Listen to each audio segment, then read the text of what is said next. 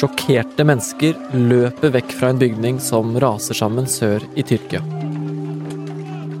En mann har surret et digert teppe rundt seg, og flere kvinner gråter og holder rundt hverandre. Etter raset løper folk tilbake til ruinene av bygningen for å lete etter overlevende blant knust murstein og smadra planker.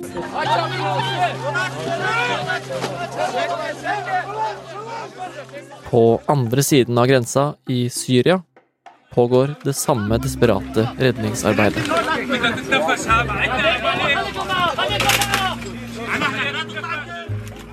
Bildene på TV og i sosiale medier er hjerteskjærende.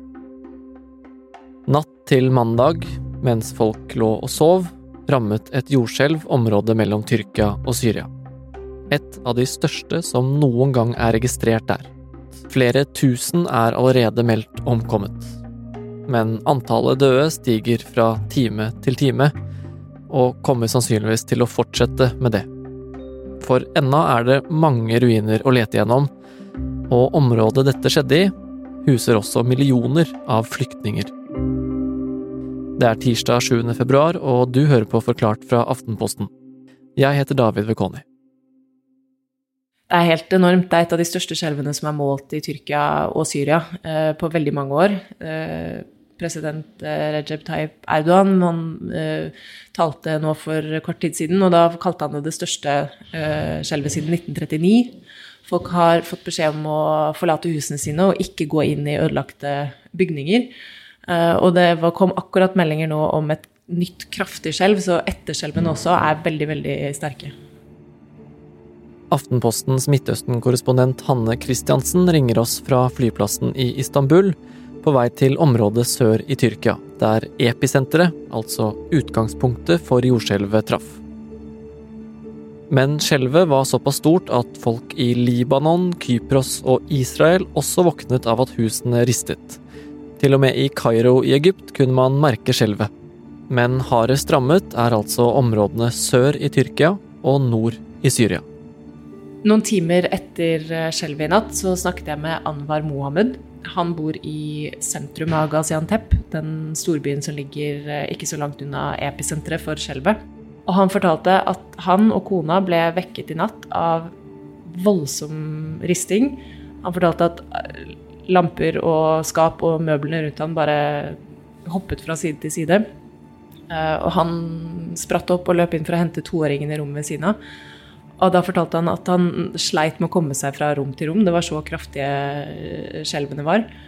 Um, men de fikk hentet barna og tatt seg til ytterdøra, og da de møtte naboene i døra der, så sa han at da forsto han hvor kraftig dette skjelvet var, fordi naboene klarte nesten ikke å stå stille.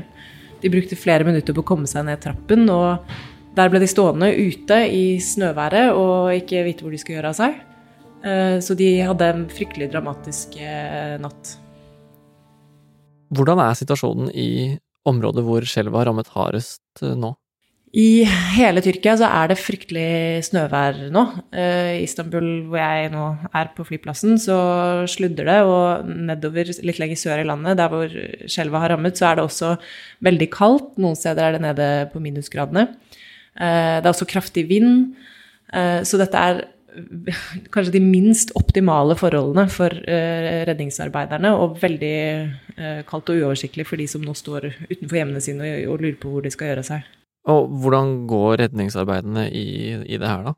Dette redningsarbeidet er utrolig farlig. Altså, myndighetene har advart om at det er, det er ikke det faktiske skjelvet som dreper, men, men, det at bygningene raser sammen. Det har kommet flere videoer av bygninger som har kollapset mange timer etter det, det opprinnelige skjelvet.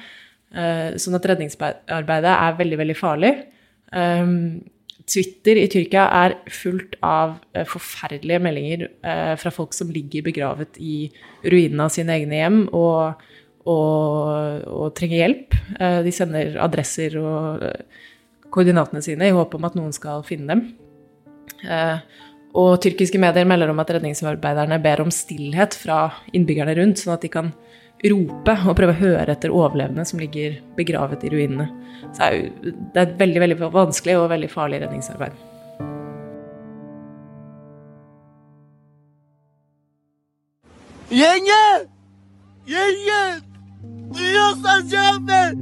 Mange tyrkere og syrere har mistet familie og nære, og leter desperat i støvete ruiner. I et av videoklippene prøver en mann å få kontakt med noen han leter etter ved å ringe dem, og roper desperat at de må ta telefonen og svare.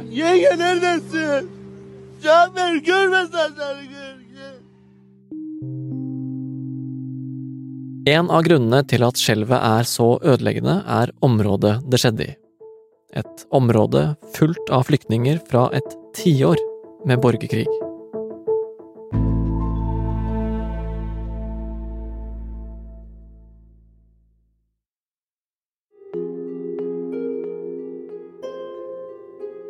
Altså, Tyrkia er jo et av landene i verden som er mest utsatt for jordskjelv. De har hatt noen helt forferdelige jordskjelv eh, tidligere. I, I, 1999 så omkom uh, over 17 000 mennesker uh, da landet ble rammet av flere store skjelv. det skjedde da litt sør for, uh, for Istanbul. Tyrkerne er veldig forberedt på jordskjelv, og særlig i Istanbul-regionen så har det vært snakk om helt siden det forrige store skjelvet i 99, at det vil komme et nytt historisk stort jordskjelv. Men det har som sagt vært eh, Fokuset på det har vært rundt Istanbul. Så eh, dette, at dette skjelvet kom såpass langt sør, det ikke, har det kanskje ikke vært like mye fokus på.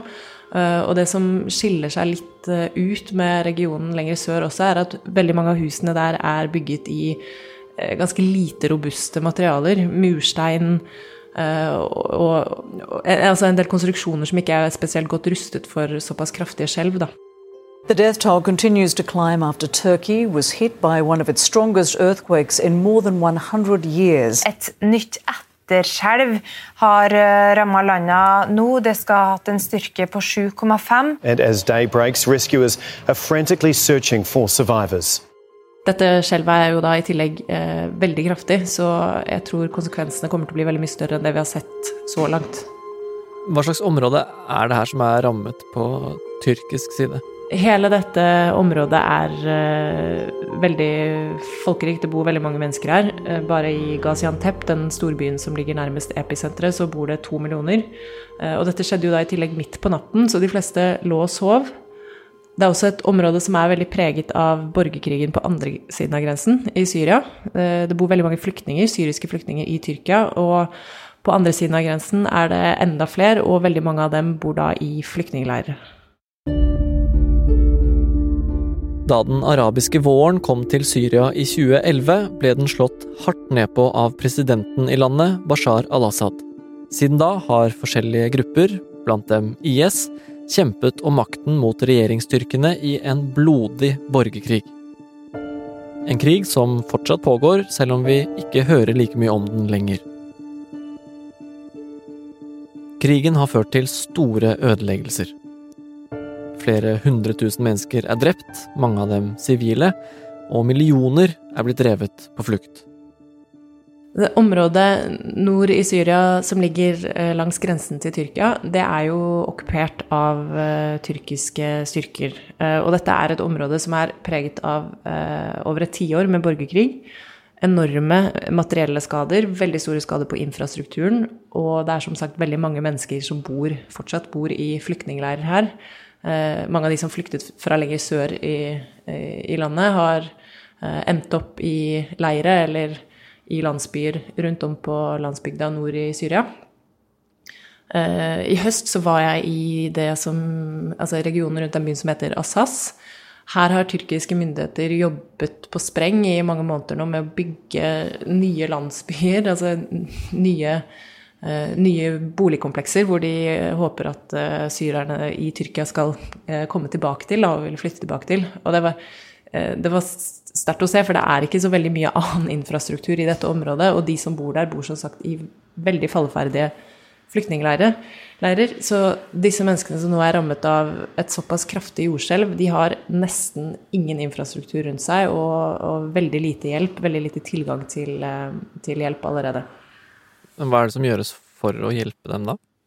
Tyrkiske myndigheter har jo eh, en hjelpeorganisasjon som heter AFAD, en sånn eh, organisasjon som jobber bl.a. med naturkatastrofer. Eh, de mobiliserer nok nå for å hjelpe også syrerne som bor i de tyrkiskkontrollerte områdene.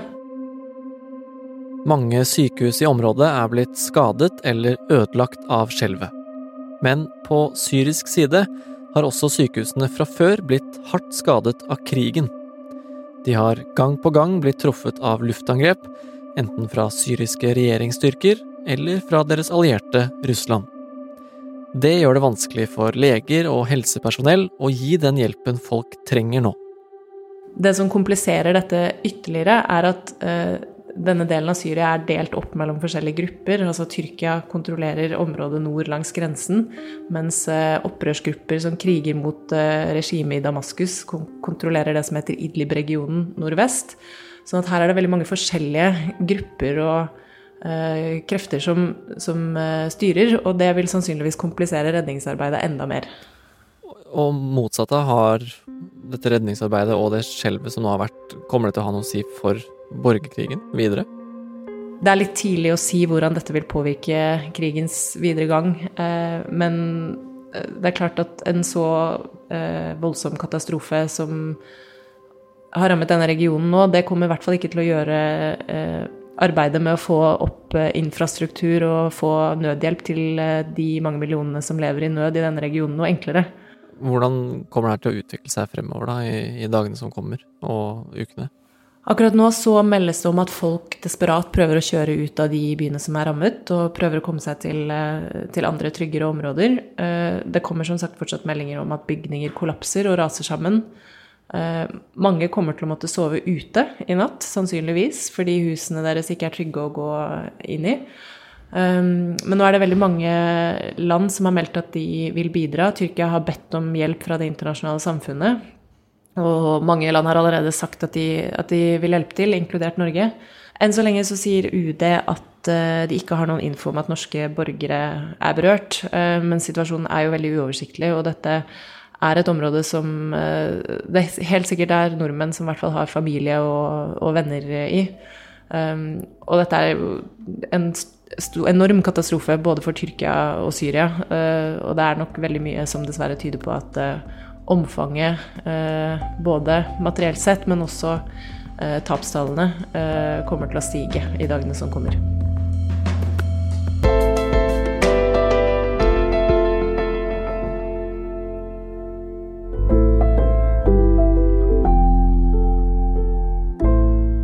Du har hørt en podkast fra Aftenposten. Midtøsten-korrespondent Hanne Christiansen fortalte om konsekvensene av det enorme jordskjelvet i Tyrkia og Syria. Lyden du har hørt, er fra CNN, Al Jazeera, NRK og nyhetsbyrået AP. Episoden er laget av Jenny Førland, Synne Søhol og meg, David Vekoni, og resten av Forklart er Trond Odin Johansen, Philip A. Johannesborg og Anders Weberg. Og du, noen ganger så kan det jo være litt fint med et lite avbrekk fra harde nyheter, og i dag så kommer det en ny episode av Poprådet. Aftenpostens podkast som tar for seg popkultur og ting som gjør at du får vondt i scrollefingeren. Sjekk den ut i Podme eller Aftenposten-appen.